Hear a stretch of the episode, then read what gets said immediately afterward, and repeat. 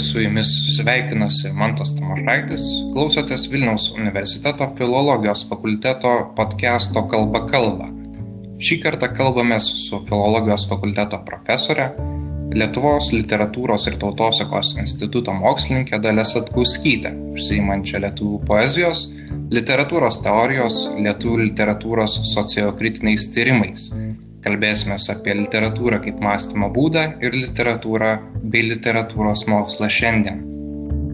Labas vakaras. Labas vakaras. Mūsų pokalbį aš siūlysiu pradėti nuo pačios pradžios, tai yra pradžių pradžios, ar ne? 20-ojo amžiaus pabaiga. Dalės atkauskytė į žagarės kažkodėl nusprendžia stoti į lituanistiką. Kas dedasi jos galvoje ir, ir kodėl jinai taip elgesi? Kodėl jinai taip elgėsi, jinai kažkaip neturėjo jokių abejonių, kad stosi lituanistiką. Tiesa, vienu metu galvojau, kad į žurnalistiką norėčiau, bet ačiū vienam savo pusbroliui, kuris mane išbarė.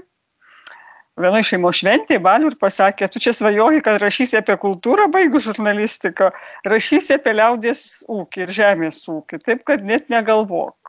Tai šitai man iškart išgaravo iš galvos ir kažkaip turėjau nuostabią mokytoją, kuri mane paviliojo iš matematikos ir tiksliųjų mokslų, kurie man neblogai sekėsi. Ir kažkaip tik apie tai ir galvoju. Aišku, tėvai slapta svajojo ir, ir garsiai kartais pasakydavo, medicina teisė, tiems laikams, gerai besimokantiems vaikams būdavo tokios trajektorijos piešiamos, bet nespaudė. Suprato, kad nelabai bet, noriu pati intencija stojant buvo kas? Tai buvo noras e, rašyti kažkokie tautiniai jausmai ar, ar tiesiog potraukis literatūrai? Tiesiog potraukis literatūrai. Kažką aš rašinėjau, bet ačiū Dievui gerai greitai anksti gavau per galvą, gal antram kursui iš savo kolegos Virginijos Gasiliūno, kai aš pris, jam tai primenu, jis juokiasi arba slepiasi, sako, tu mane primink Čia buvo Vilniaus e, universiteto literatų burelėje, tokia mergaitė iš mažo miestelio atėjo. Nu, truputį keistai jaučiausi, šiaip aš nesijaučiau provincialė, nes buvau apsiskaičiusi. Kažkaip gaudavo iš mokytojos daug dovanų, ne, ne, neturėdavo galimybės ten aplankyti spektaklių, bet žinojau apie juos. Bet va šitam burelį aš truputį jaučiausi provincialė. Ten visi vieni kitus pažinojo, aš atėjau su savo keliais eilėraščiais kažkaip buvau gana smarkiai sukritikuota ir tos kritikos net laikiau. Ir, bet matyt, taip ir reikėjo. O šiandien, kai esat literatūros profesorė, iš esmės tai yra tai, ko, ko kažkada slapta tikėjotės, ar tai yra kažkoks na, gyvenimas, kuris atėjo pats netikėtai? Jis atėjo pats netikėtai. Tiesą sakant, kai aš baigiau universitetą, aš baigiau universitetą jau dirbdama mokykloje. Aš paskutinius beveik visus metus dirbau mokykloje ir man tikrai neblogai sekėsi. Ir aš tiesiog pasakysiu dabar taip šventvagiškai, bet mano laikais taip darydavo daugelis žmonių. Aš tiesiog norėjau pasilikti Vilniui. Tai buvo paskutiniai metai, turbūt, kai buvo dar ta vadinamoji skirstimų sistema. Ir kad aš galėčiau pasilikti Vilniui, aš pradėjau dirbti mokyklo ir mokykla man, kaip čia pasakyti, kaip tada vadindavosi, nu jinai mane pasikvietė į tą vadinamą galbų medžioklę, atėjo mokyklos direktoriaus pavaduotojas ir pasakė, mums reikia šitos specialistės. Tuometinis rektorius, aišku, man siūlė važiuoti ten, neprisimenu, ir šiaulius į Klaipėdą, kažką ten dėstyti fonetikos, ten buvo galimybės. Bet šviesios atminties Donatas Auka kažkaip sutramdė ir pasakė, jūs turėkit sąžinės žmogus, aš mokiausi gerai, aš buvau antra turbūt pagal tą eilę skirstimo ir palikit ją ramybėj. Ir paliko mane ramybėj, aš išėjau dirbti į mokyklą ir galvojau, kad dirbsiu toje mokykloje, nes, nu, aš čia pasakysiu dabar laiko dvasioje, institute tuometiniam buvo vietų, bet pasirinko ką? Pasirinko vaikinus. Pasirinko keletą vaikinų iš to kurso, norėjau išlaikyti lyčių proporcijos, tai va.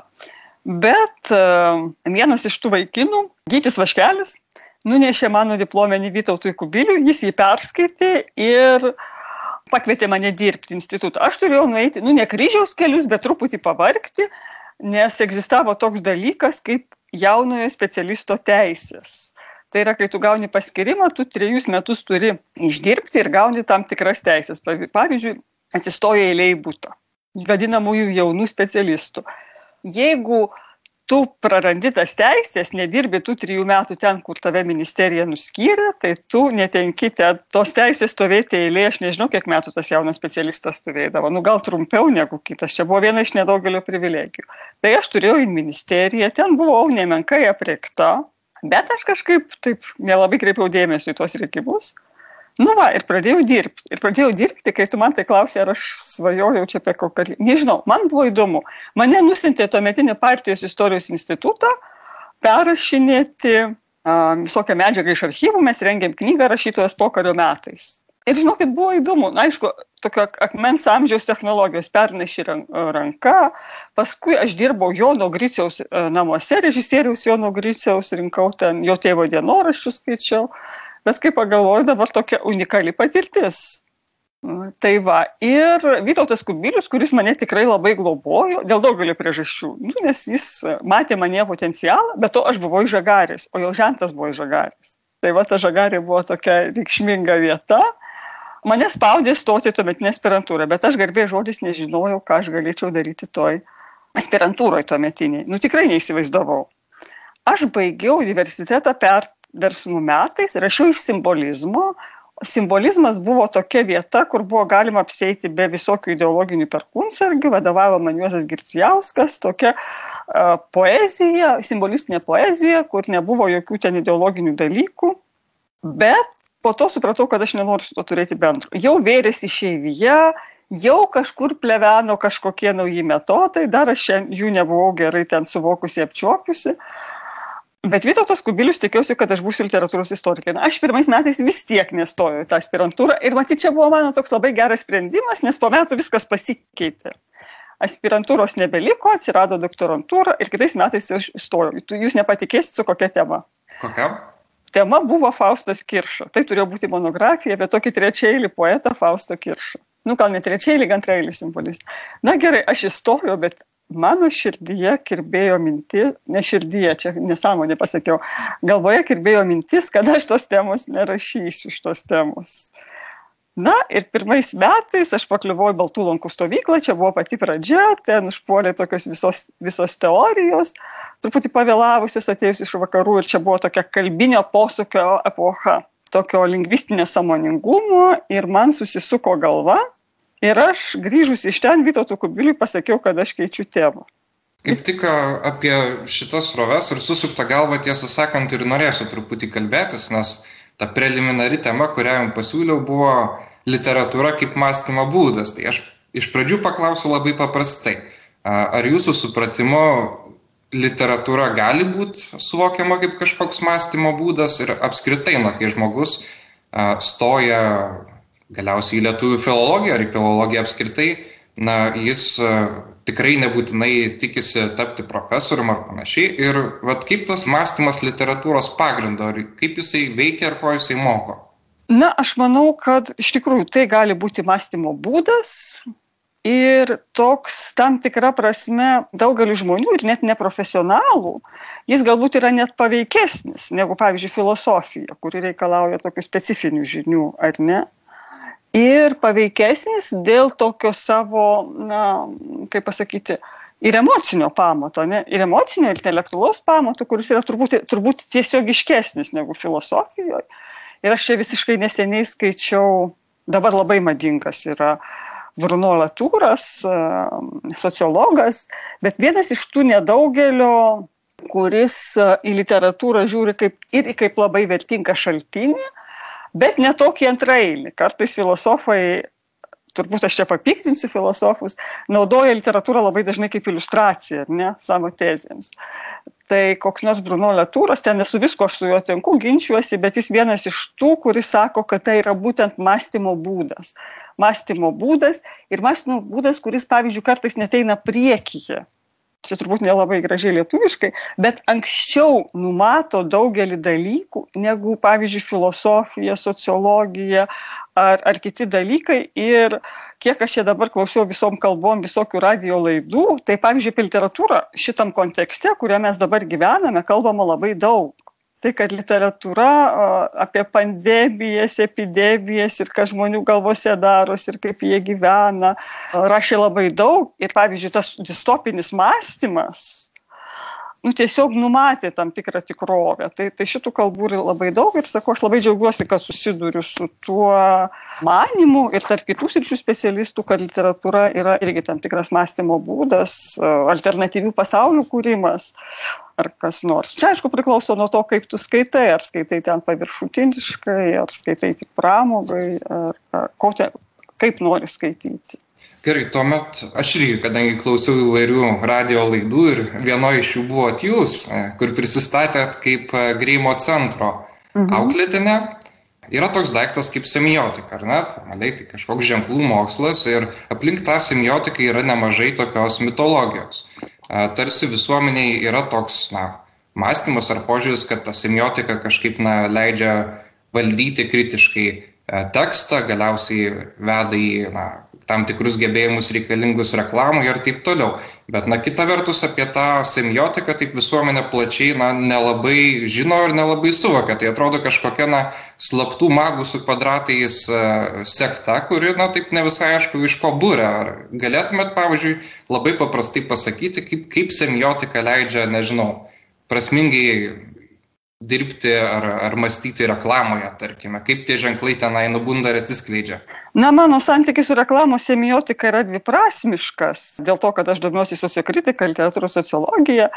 Tai semiotika, aišku, dirba, padidindami reklamos efektyvumą arba demaskuodami jos nerišlumą bet e, aš esu bandžiusi šitai dirbti, bet aš truputį pasijutau bendradarbiaujantį šitoj sistemoje ir, ir man tas, nu, man tiesiog tas nėra labai įdomu. Aš manau, kad reklamos efektyvumą lemia nebūtinai jos ryšlumas. Ir tas gražumas ją padaro turbūt labiau civilizuotą, bet uh, nelabiau. Dabar, ko moko semiotika, tai nėra ženklų mokslas, tai yra, taip labai paprastai sakant, reikšmės mokslas, turbūt taip apie reikšmės susidarimo sąlygas e, vienoje plotmėje tekste.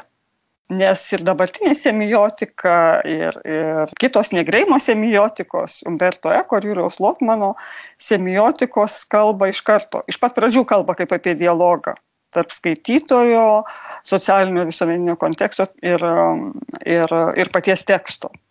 Tai yra viena ta struktūra, greimas labiau privilegijuoja tas tekstinės struktūras, nors dabartinė semiotika vis tiek kalba kaip apie sąveiką. Tai va, tai ko išmoko semiotika, tai mažiau kalbėti apie save, daugiau pamatyti tekstų. Tai nereiškia, kad tu pats kaip skaitytojas visai išnyksti, jokiais būdais ne. Bet tam tikrus sąryšius moko, moko pamatyti Kodėl aš atsidūriau Greimo centre? Tai dėl to, kad ieškojau savo kelio, aš supratau, kad man nepatiks kalbėti apie save, bet kodėl aš nestojau pirmais metais į tą aspirantūrą. Ir taip, kada dėl to, kad aš nežinojau, kaip kalbėti apie literatūrą. Bet čia prasidėjo problema, kaip kalbėti apie literatūrą. Gražiai, poetiškai, kažkaip pagalvojau, nu neturiu aš savo galvoj, širdį, sieloj, kur nors tiek žodžių, kad aš taip gražiai pakalbėčiau. Ir mane vis kirbėjo, kad nu, aš nenoriu tiesiog kalbėti apie save ir man norėjosi kažkokios pagalbos, metodologinio įrankio. Ir aišku, čia atėjo semiotika, čia daug kas rašo, kad ypač e, toks pirma, aišku, dėl, dėl mūsų ryšių su tom semiotinėm mokyklom, Greimo Lotmanu, su abiem, vakaruose ta mada jau pradėjo atslūginėti, tuo metu, kai pas mus atėjo, jau formavosi naujos teorijos, bet va kažkaip tai padėjo dirbti su tekstu ir surasti tą vadinamųjų dėrybų kelią. Nors man niekada labai nepatiko kalbėjimas tik burtažodžiais ir schemomis. Ir aš dabar neseniai dėšiu studentams.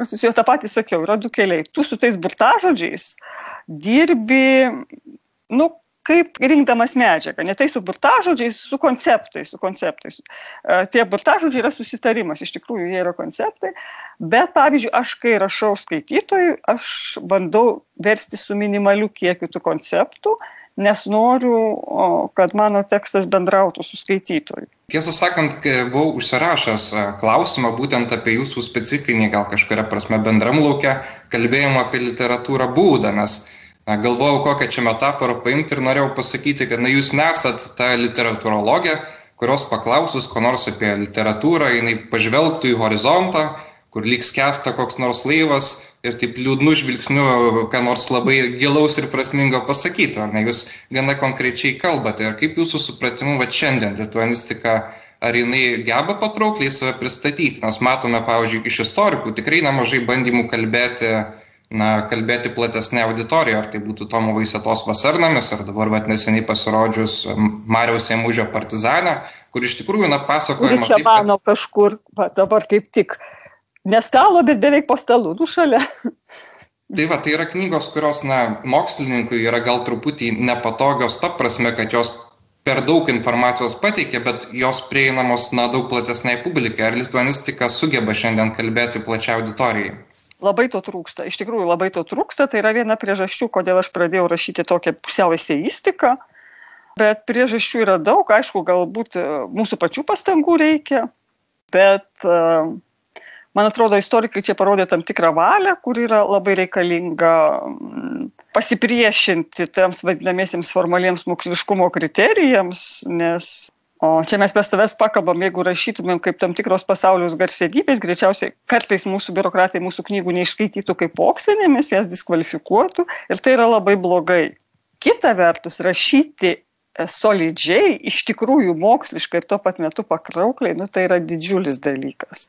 Ir na, šito perėjimo, kaip aš vadinu, iš paukščių kalbos į žmonių kalbą, mane truputį išmokė vadovėlių rašymas. Aš čia prieš daug metų buvo ir buvo tokia jokinga istorija, kad aš parašiau pirmą variantą apie neromantikus, pakliuvau į tą komisiją mokytojų, jie sakė, viskas tvarkoji, kvalifikacija čia labai aiškiai matyti, mokiniai nesupras. Ir aš tokia visa įsižeidus ir truputį pasipūtus išėjau iš to svarstymo ir galvojau, ką jie čia man aiškino, aš geriau žinau.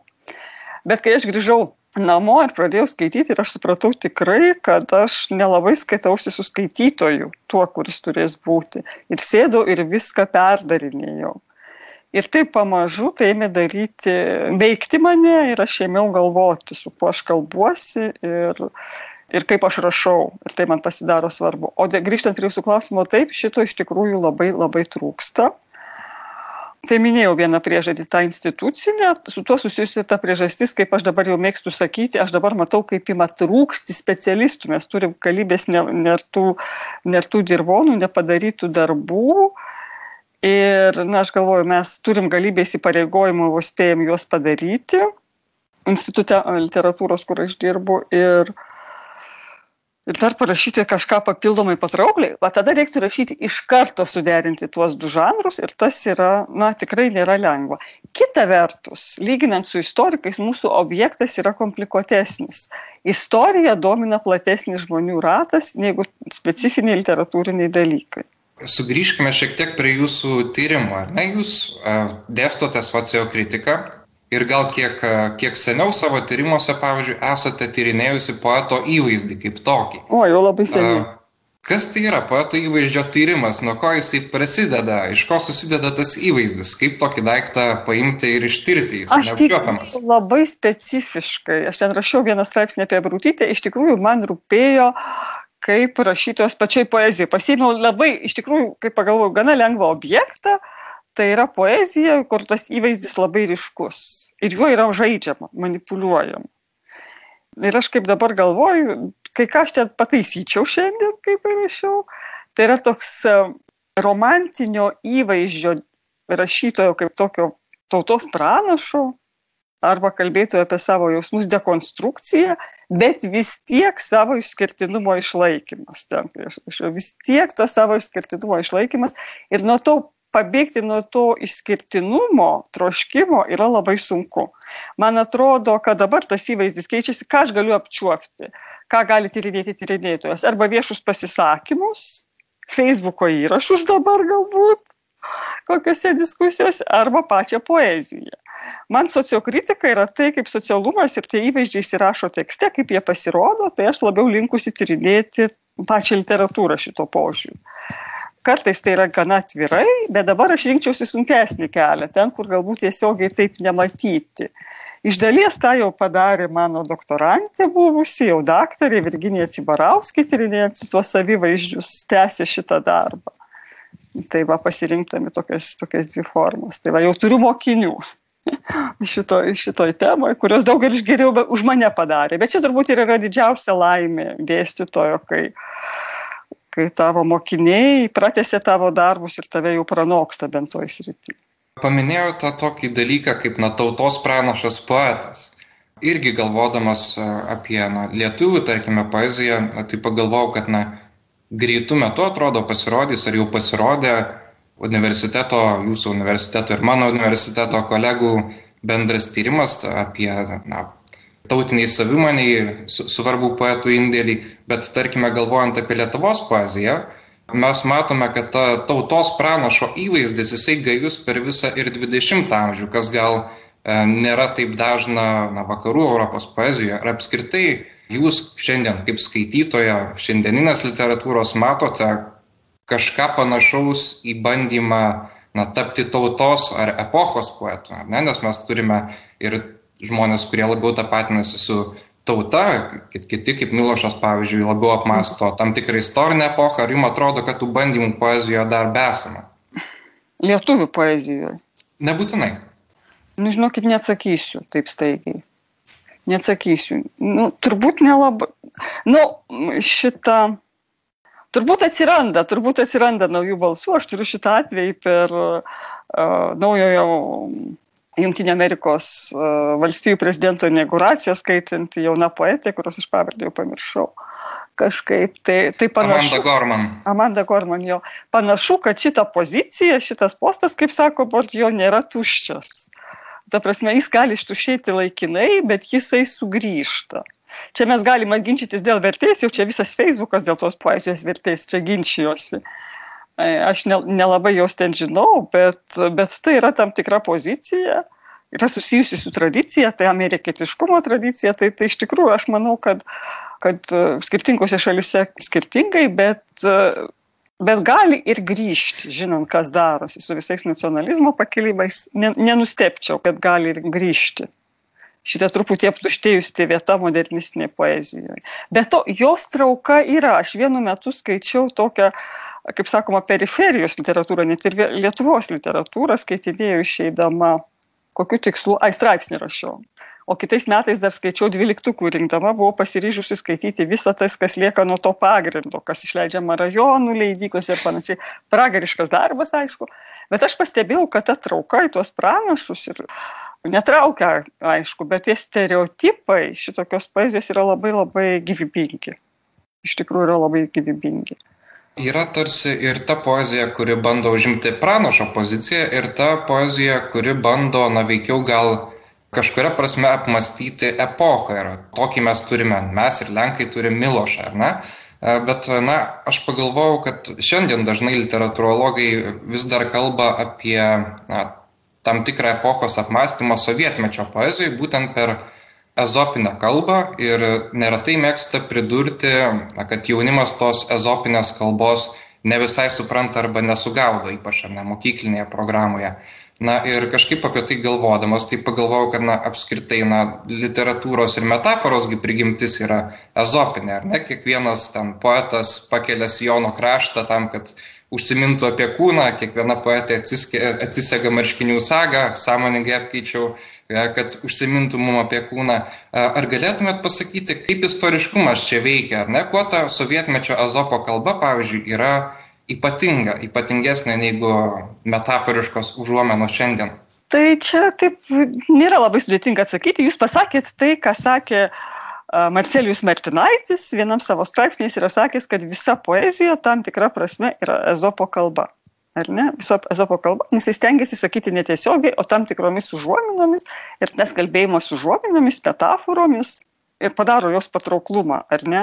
Tai kažkokiu būdu leidžia, nu, tas žodis dabar taip nevartojamas, bet Lotmanas, nes jis buvo tos kibernetikos vystimosi epochos toks uh, mėgėjas ir tuos terminus vartojo, sakydavo, kad tai yra būdas perduoti maksimalią informaciją minimaliomis priemonėmis. Nu, jis, aišku, kalbėjo tik, ne tik apie informaciją, apie struktūrą, ką reiškia eiliuota forma ir panašiai, tam tikri garsiniai sąskabiai, tai ta prasme sutikčiau su jumis, kad ezopo kalba galima vadinti. Bet čia yra terminų klausimas. Ar tai yra tokia figuratyvi kalba, ar kita. O ezopo kalba ta sovietmečio ta, kuri perdoda, merkia akį skaitytojų kaip suokalbininkų, netiesiogiai kritikuodama sistemą, arba keldama klausimus, kurie ne, neparankus, tai yra tokia antro laipsnio. Antro laipsnio, tokie ekranai, čia aš irgi vartoju Martinaičio terminą, jis labai gerai pasakė. Ir ar tie ekranai veikia mus dabar, ar ne, priklauso nuo pačios poezijos. Pavyzdžiui, Martinaitis su savo kukučiu ir kita poezija turėjo abu du kodus, tą bendrąjį poetinį ir tą antro laipsnio ir tas vienas dingo, nukrito, neveikia, bet poezija lieka. Tai čia yra puikios, geros, kaip čia pasakyti, skambus žodis, gal per skambus geniali poezija savybė, bet iš tikrųjų tai yra, yra gera poezija, ar ne? Ir jinai sugeba toje epochoje, sovietiniai, specifiškai istoriškai organizuotoje, matyti tai, kas yra galbūt būdinga visoms epochoms. Kvailumo ten kokio nors ar paradoksų užtenka visur, ar ne? Jie skirtingai veikia. Bet jeigu tik tai yra tik tai vienos užuobinos, to susijusios su konkrečia epocha politinės, tai tai toks, na, gali ir nebet pažinti. Bet to ir aš pati nebūtinai galiu atpažinti. Nu, su literatūra dar ne tai, bet pavyzdžiui, su teatru, kur nefiksuota, visi ten kažkoks kolektyvinis toks suokalbio jausmas, kuris kažkada buvo ir kuris paskui kažkaip dinksta. Žinau, kad viena istorikė ruošiasi rašyti kažkaip apie šitos dalykus ir, ir vat, kaip skaitytojų bendruomenę sovietmečių ar skaitytojų, ar kultūros suvokėjų, ne, ne, nebeprisimenu tiksliai, nu, turėtų būti labai sunku, aš nežinau, kaip, kaip šitai apčiuopti. Jeigu galima, aš jūs, na, truputį perzinsiu. Paminėjot frazę geniali poezija. Ir šiandien... Na, bijojau šitai sakyti. Ir šiandien po postmodernizmo, kuris tarsi nebeaišku ar galioja, ar tai buvo toks madingas 90-aisiais, ar dabar jau kas post, post, post, postmodernizmas, labai yra sunku kalbėti literatūrologui apie literatūrinę vertę, nes visada bus prikišama tam tikra galios pozicija. Ir ar turite kažkokį būdą išsisukti iš tokio vat, priekaišto, ar, ar ir apskritai sutiktumėt su mano teze, kad bet koks literatūrinis kokybinis vertinimas visada yra hierarchiškas? Turiu būdą išsisukti, nes ištisai išsisukinėjau šito klausimu su studentais kažkaip dėsiu ir netgi dėstu įvairias teorijas apie šitai. Iš tikrųjų yra Ir, ir čia yra gemžini ginčiai. Jūs tikriausiai žinot Haroldą Bliumą, kuris mano, kad tai ir genialumas yra įrašytas kūrinyje ir čia nevyksta jokių ginčių. Yra truputį nusaikesnių, kurie sako, kad jeigu akceptuojamas, primamas kūrinys kitose epochose, kitų žmonių, vadinasi, jis tikrai turi tą potencialą. Pavyzdžiui, Vytautas Kavolis laikosi tokios pozicijos, vis tiek tiki, kad kūriniai yra ta savybė. Yra tokių radikalių, kur sakys, viskas yra kaip jūs sakot, hierarchiška, dėrybos ir va, institute turim grupę, kuri tyrinėja kanoną, kas yra to kanono sudarytojai, tie, kas yra galios pozicijoje, iš tikrųjų, tam tikroje galios, turi tą sprendimo galę ir ją nustato ir primeta. Iš tikrųjų, tam tikrą prasme taip ir yra, nes kai mes sudarinėjom dvyliktuką, kuris turi tam tikrą vertę, kūrybiškiausių knygų ar geriausių knygų, uh, tai mes esam tie kvalifikuoti skaitytojai, kuri priima tam tikrą sprendimą. Ar ne? Visą laiką sulaukia, pažiūrėkit, kokio šurmulio šitas. Kiti skaitytojai sako, o čia šitą nepaskaitoma.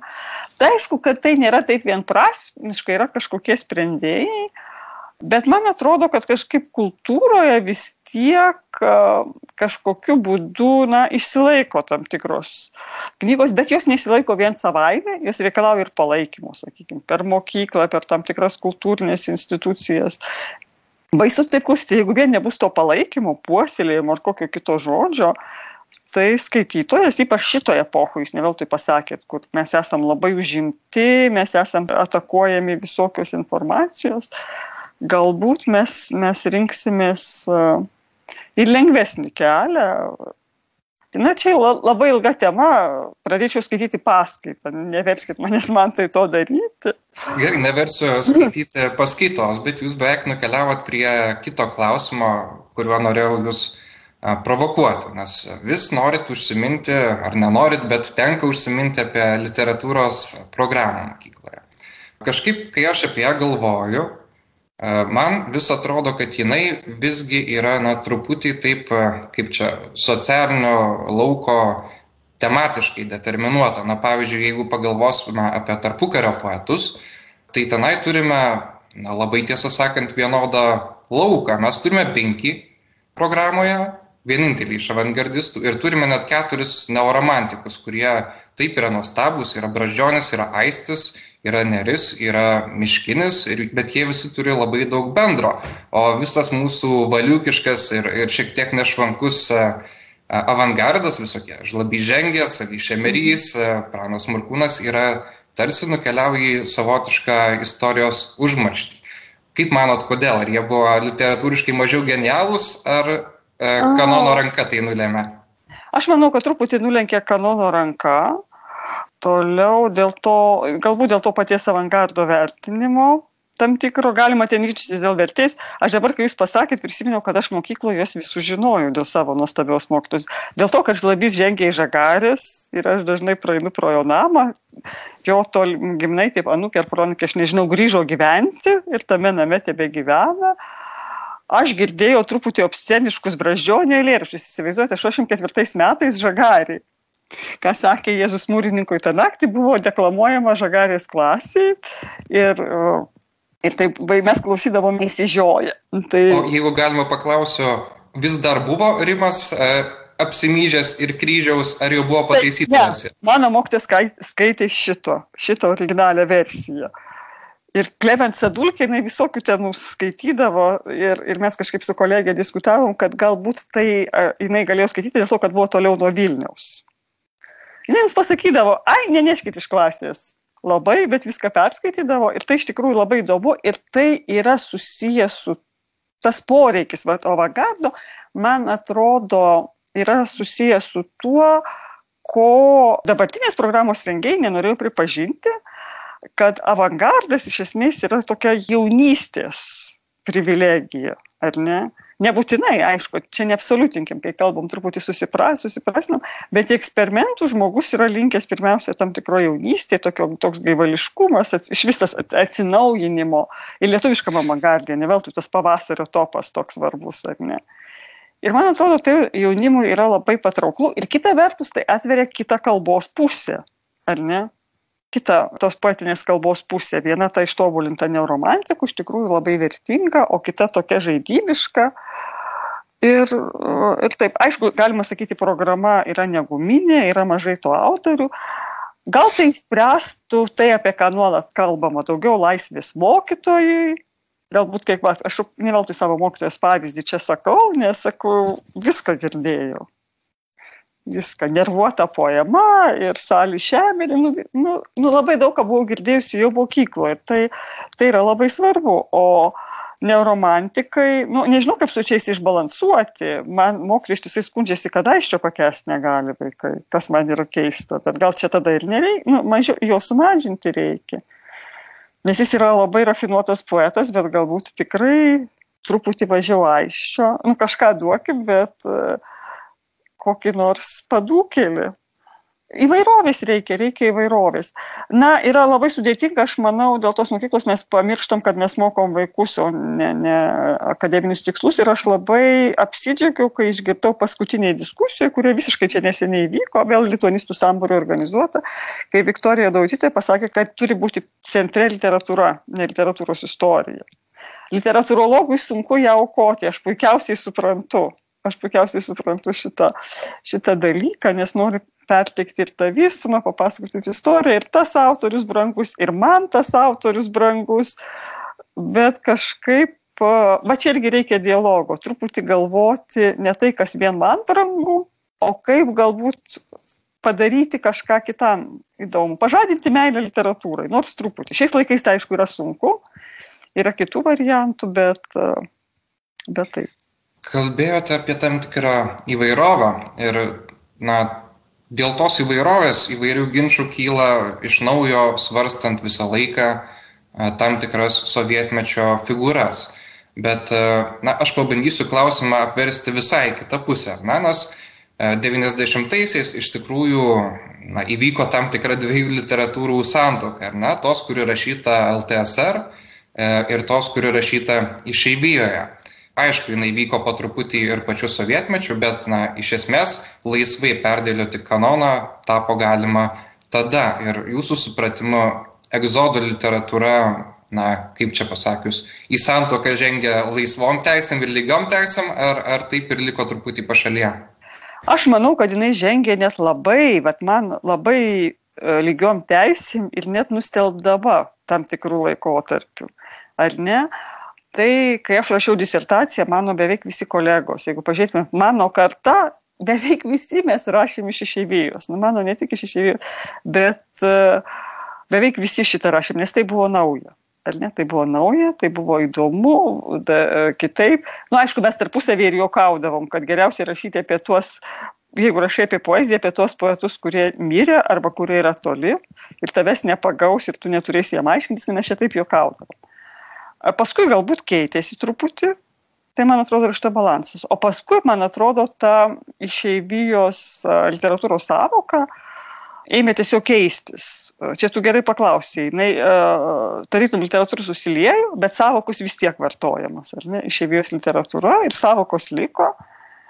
Ir man atrodo, tai, kas vyksta dabar, mes turim tokį naują etapą, mes turim daug literatūros rašomos ne Lietuvoje, ir geros, ir blogesnės, bet ir tokios, kurie apmasto, ką reiškia būti lietuviu ar ne, nebūtinai lietuvių, bet tiesiog lietuviškai rašomos literatūros ne Lietuvoje, kalbančios apie tą emigranto ar, ar tiesiog pasaulio piliečio patirtį ir turi nelietuviškai rašomos literatūros, pavyzdžiui, Antanas Šleika, kuris rašo apie lietuvišką patirtį, apie lietuviškus dalykus arba lietuvio emigranto patirtį.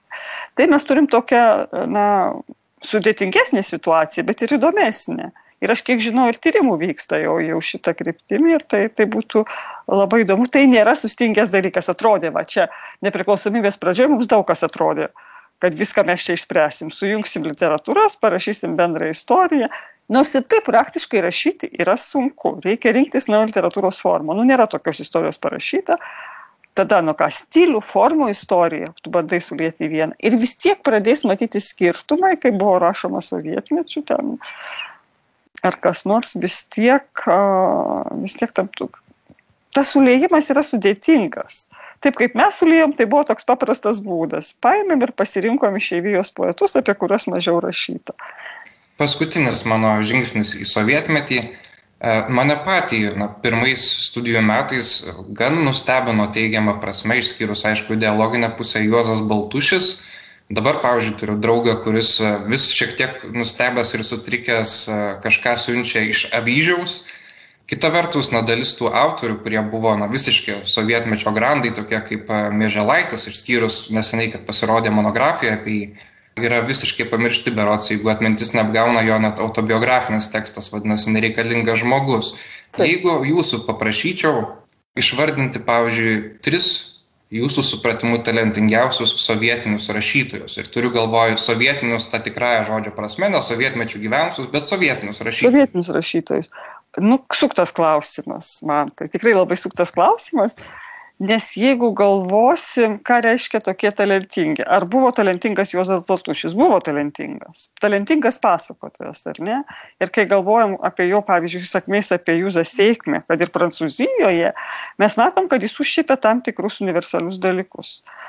Ir iš tų sovietinių, sovietinių, nesovietmečių rašusių. Tau neįdomu, jeigu aš pasakysiu, kad Saulis Tomas Kontrotas, Tomas Venslava ir Sigitas Geda man dar panamo, tu nori iš tų sovietinių, sovietinių. sovietinių tai ką aš skaičiau, be jokios abejonės tu autus ir paminėjai. Juratė Sprintytė sakė, kad iš visų jai paskaitomas ir regis yra avyžius, ar ne? Aš kaip tik dabar dirbu, rašau tokį straipsnį ir skaičiau visas 88 metų pergalės ir ten, ten yra ketvirta dalis avyžiaus sodybų tuštėjimo metų. Tai va, ir tai parodo, kad šiandien praktiškai negaliu pasakyti. Taip, tai yra labai drąsi knyga, jinai parašyta iki 70 kažkėlintais metais, man atrodo, ten, ten yra data, aš dabar bijau pameluoti. Bet tuo pat metu man vis tiek prasikiša tam tikra toks publicistinis stilius. Tai yra vis, bet visas romanas, kaip tokia, toks epopėjinis žanas, be jokios abejonės jis yra nu, labai rimta tokia paraiška, kas dabar tokia parašys, ar ne? Kas dabar serialai pakeitė šitokius dalykus. Tai va, tai, tai net nežinau, kas. Ar dabar tam pačiam numerį pergalės, kur aš skaitau, aš čia dabar nenoriu atimti duonos iš savo kolegės Donatos Mitaitis, bet aš ten radau puikių Alfonso Maldonio eilėraščių. Jis truputį yra primirštas, ar ne mažiau. Ir tie eilėraščiai tikrai yra su senesnėm datom, Donata ten randa ir archyvose. Mes randam paralelinį, beveik paralelinį Alfonsą Maldonį. Ir tie spausdintojų eilėraščiai yra lab, įdomus, man atrodo, šitoj kart, iš, iš tos 30-ųjų kartos, man atrodo, vieni įdomiausių. Bet va tas paralelinių tekstų buvimas, na, na nepaprastai, nepaprastai įdomus. Nežinau, ar atsakiau, nes labai iš tikrųjų vienas sunkiausių klausimų, kur aš girdėjau, nes kuris, kuris būtų kažkaip, mato, dabar yra taip daug ką skaityti, kad dar iš naujo atsiversti. Aš, pavyzdžiui, Baltušio dienoraščių perskaičiau publikaciją, kai buvo metuose. Dabar pasėmiau, nuėjau į biblioteką instituto, pasėmiau tą tomą, išėjusi didžiulį storą ir padėjau atgal lentyną. Ir pagalvojau, o kodėl aš turiu juos skaityti, ypač kai išklausiau Tomo Venslovos e, pranešimą, santara šviesoje paskui jis buvo publikuotas, pagalvojau, jis man čia viską ir pasakė, kodėl aš turiu skaityti dabar šitą knygą, kai mano pilni čia aplinkui visi pakraščiai apkrauti knygom, kurias aš noriu perskaityti. Gerai, kadangi mūsų pokalbis artėja prie pabaigos, tai dabar liko laisvo pabudžio klausimai pirmas būtų toks kadangi paminėjot duonos atėmimą jeigu vat šiandien kažkokiu magišku būdu aš staiga jums duodu milijono grantą ir galit tirti absoliučiai ką norit ką jūs tyrinėjat ką aš tyrinėjau, aš pabaigčiau rašyti monografiją, kuri uh, buksuoja turbūt apie socialumą lietuvių literatūrą dabartiniai. Tokią, o daugiau ką aš dabar rašyčiau turbūt pradėčiau rašyti esė, o baigčiau romanu. Va, ką aš daryčiau. Aš mes tarp savęs ir juokaujam, kad aš jau netrukus prirašysiu visokios publicistikos, kurią leisiu atskirą knygelę, kai rasiu laiko nuo kitų darbų, dabar truputį ją mane užgriuvo, tai aš apleidau šitą ir sakiau, kitas etapas jau bus romanas, nes aš net turiu siužetų savo galvoje, jeigu man duosit milijonų grantą, bet reiks reikalasit mokslinės literatūros, ar ne? Tada sunku tada sunku, nes man iš vis patinka tokie, tada aš rašyčiau romaną, kuris būtų tokia kokios nors teorijos dekonstrukcija. Nu, mane labai žavi tokie meta žanrai, čia tokių iškrypusių skaitytojų. Pomėgiai kaip Umberto Eko, nu ne visas, ne visas, arba uh, knyga, kuri yra tokia ne visų mėgstama, kiti sako baisinga, pasibaisėtina, bet man jinai labai linksma ir juokinga. Loram Binė septintoji kalbos funkcija, kuri tokia semio, detektyvas, semiotikos istorija. Ten aišku, žmonių yra gyvų dar iki šiol ir įsižeidusi, su kuriais daroma kas nori ten viskas keičiama, bet ten yra ir pačios semiotikos istorijos, tokia ir parodija, ir, ir tos teorijos, tai man va šitas žanras yra labai linksmas. Jeigu aš sugebėčiau taip išlaviruoti, kad ir skaitytojas skaitytų kaip detektyvą. Apie šitą knygą buvo kalbėta LRT laidoje, nenušaunami siužetai. Tai va, e, rašyčiau kokį tą romaną, kita vertus mane domintų uh, kas dedasi kokio nors diktatoriaus, aš vis laik sakau, rašyčiau, man labai įdomu, kas dedasi Lukašenko sunaus galvoje, įsivaizduoti tokį personažą. Tai va, turiu visokių nesąmonių, kai išeisiu pensiją, galvoju, esu prisikūrusi, tai jeigu išlis kokia dar viena nelabai gerų romanų rašytoja, nes kritikai nebūtinai geri rašytojai, nenustepkit. Bet nerašy, nerašysiu gal savo vardu, nežinau aš kaip žmogus mėgstantis nemažai pabumbėti visada manau kad pašnekovui irgi tokią progą reikia suteikti. Kas šiandien literatūros lauke jūs labiausiai erzina? Man atrodo nu aš mm, nemėgstu per didelių gražbylysčių ar ne, gražbylysčių ir jau, jau galėjai suprasti iš to, kai mėgstame labiau kalbėti apie save, ne apie pačią literatūrą. Literatūros kritikas ta prasme yra tragiška figūra, nes mano supratimu jis turi truputį save primiršti. Jeigu rašytojas yra matomas, tai kritikas e, pasirašai pavardę, bet tu rašai netiek užsimi saviraišką. Nors jeigu tave sužavi, kodėlgi ne, tik tai visada jam reikia ieškoti argumentų. Tai Nes man atrodo, to plepumo su nauja karta yra, yra gerokai sumažėję, aš vis tiek dedu viltis. Erzina, kad negalima rašyti aktyviai literatūros kritikos, nes tam trūksta laiko kvalifikuotiems žmonėms, tokiems, kurie dirba universitetuose ir institutuose, nes vykdo planus, kuriuos tikrina ir tai, tai yra blogai. Tada aš minėjau, kad yra gero jaunimo, bet kartais iš medžiagos trūkumo ir, ir per daug žalio jaunimo ten. Ir dabar tai va, kada susidarytų pusiausvyrą, aš taip svajoju apie dialogą, kad būtų ir tie kvalifikuoti. Čia Rolandas Rastauskas sako, kur yra Vytautas Kubilius, kuris viską ten sugebėdavo apžvelgti. Tai va, mes esame truputį per daug kaip mokslininkai kontroliuojami, iš tikrųjų esame labai kontroliuojami biurokratinių institucijų. Ir aišku, jeigu būčiau tris mane kas nors klonuotų tris kartus, gal aš ir suspėčiau viską, aš mielai daryčiau, bet aš tiesiog nespėjau. Tada ir šitai daryčiau. Tai va tokio, tokio derinio labiausiai. Aš nukreipiau klausimą, aišku, gudriai čia ne tai, kas erzina, bet tai, ko trūksta, pasakiau, ar ne? Man atrodo labai gerai pasakyti ir tai, ko trūksta. Ir mums beliko tik tai jau nebe klausimas, bet prašymas. Tai yra prašymas pasidalinti kokiu nors atradimu, ar mokslinio, ar literatūrinio, ar, ar vaizdinio, ar ką nors atradot paskutiniu metu. Paskutiniu metu, kai tu pasakė, kad manęs to klausi, aš taiga supratau, kad mano galvoj sąrašai. Sąrašai ir kiek aš gerų dalykų esu atradusi, bet jeigu visiškai paskutiniu metu, tai aš būsiu nelabai originali, bet knyga, kuri mane sukrėtė, ar tai yra atradimas, jinai yra išėjusi lietuviškai, aš ją skaičiau dar originalo kalba, Tai yra Vanesos Springoros abipusių sutikimų. Knyga apie garsų tą sekso skandalą Prancūzijoje, bet man jinai yra svarbi ne dėl to skandalo, o dėl to, kad jinai kalba iš esmės apie radikaliai besikeičiantį literatūros suvokimą dviem aspektais. Kad rašytojas kaip romantinė figūra, kuriai daugiau leidžiama negu paprastam piliečiui, yra kvestionuojama ir kad kelia literatūros ir moralės klausimą, bet ar to, tokiu radikaliu būdu, ar literatūroje viskas atleidžiama. Mūsų škėma irgi šitą kelia klausimą, jeigu prisimenat, išgyventi ten ką nors ir tada prašyti. Bet ten tai yra, kai e, konkrečios istorijos, nu, e, Matsnefas, kuris yra herojus šitos knygos, nėra ten labai pirmailis rašytojas, tik tai va, tokiais skandaliukais skandalingais aprašymais susikūręs reputaciją, ar galima visą tai dar panaudoti literatūroje. Tai yra asmenybės išnaudojimas ne tiesiog seksualinis, bet toks intelektualinis. Ir tai šito požiūriu, jinai man, aš aišku paskui prisižiūrėjau gausybę šitos medžiagos, bet tai yra, man atrodo, knyga apie tam tikros paradigmos keitimąsi. Aišku, čia ir yra lyčių santykiai, keitimasis mūzos sampratos keitimasis, kai moteris atsisako būti mūza. Viena labiausiai sukrečiančių scenų yra tai, kai, kai ta mergina, jau gal 15 metė, kai pradeda suvokti, kas su ją darosi, kad jinai yra išnaudojama, jinai nueina pasiskūsti pas uh, Matsnefo draugą, garsų rašytoją ir filosofą Čioraną ir jinai būna visiškai nesuprasta. Jis pasako, tu turi jaustis išrinkta. Taip. Tai, tai va šita knyga, kurio girdi, aš girdžiu Facebook'e, kad, aha, tai dabar jau nukryžiuokim Nabokovą.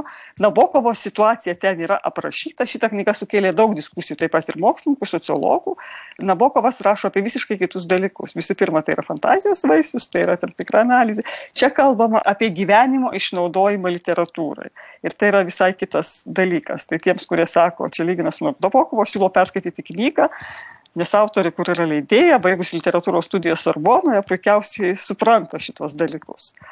Tai va, tai čia man buvo uh, ir toks analitinis šitos knygos potencialas, tai nėra knyga tik apie sekso skandalą, tai yra toks analitinis besikeičiančio santykio su literatūra ir literatūros ir gyvenimo santykio apmąstymas. Ir labai gerų stilium parašyta. Nu, ne, mano doktorantė išvertė, tai aš tikiuosi, kad gerai išvertė, puikiai ir, ir tokiu prancūziškai santūriu, labai, labai santūriu stiliumi, labai viską išlaikant. O jeigu reiktų mokslų, tai aš jau čia sąrašą.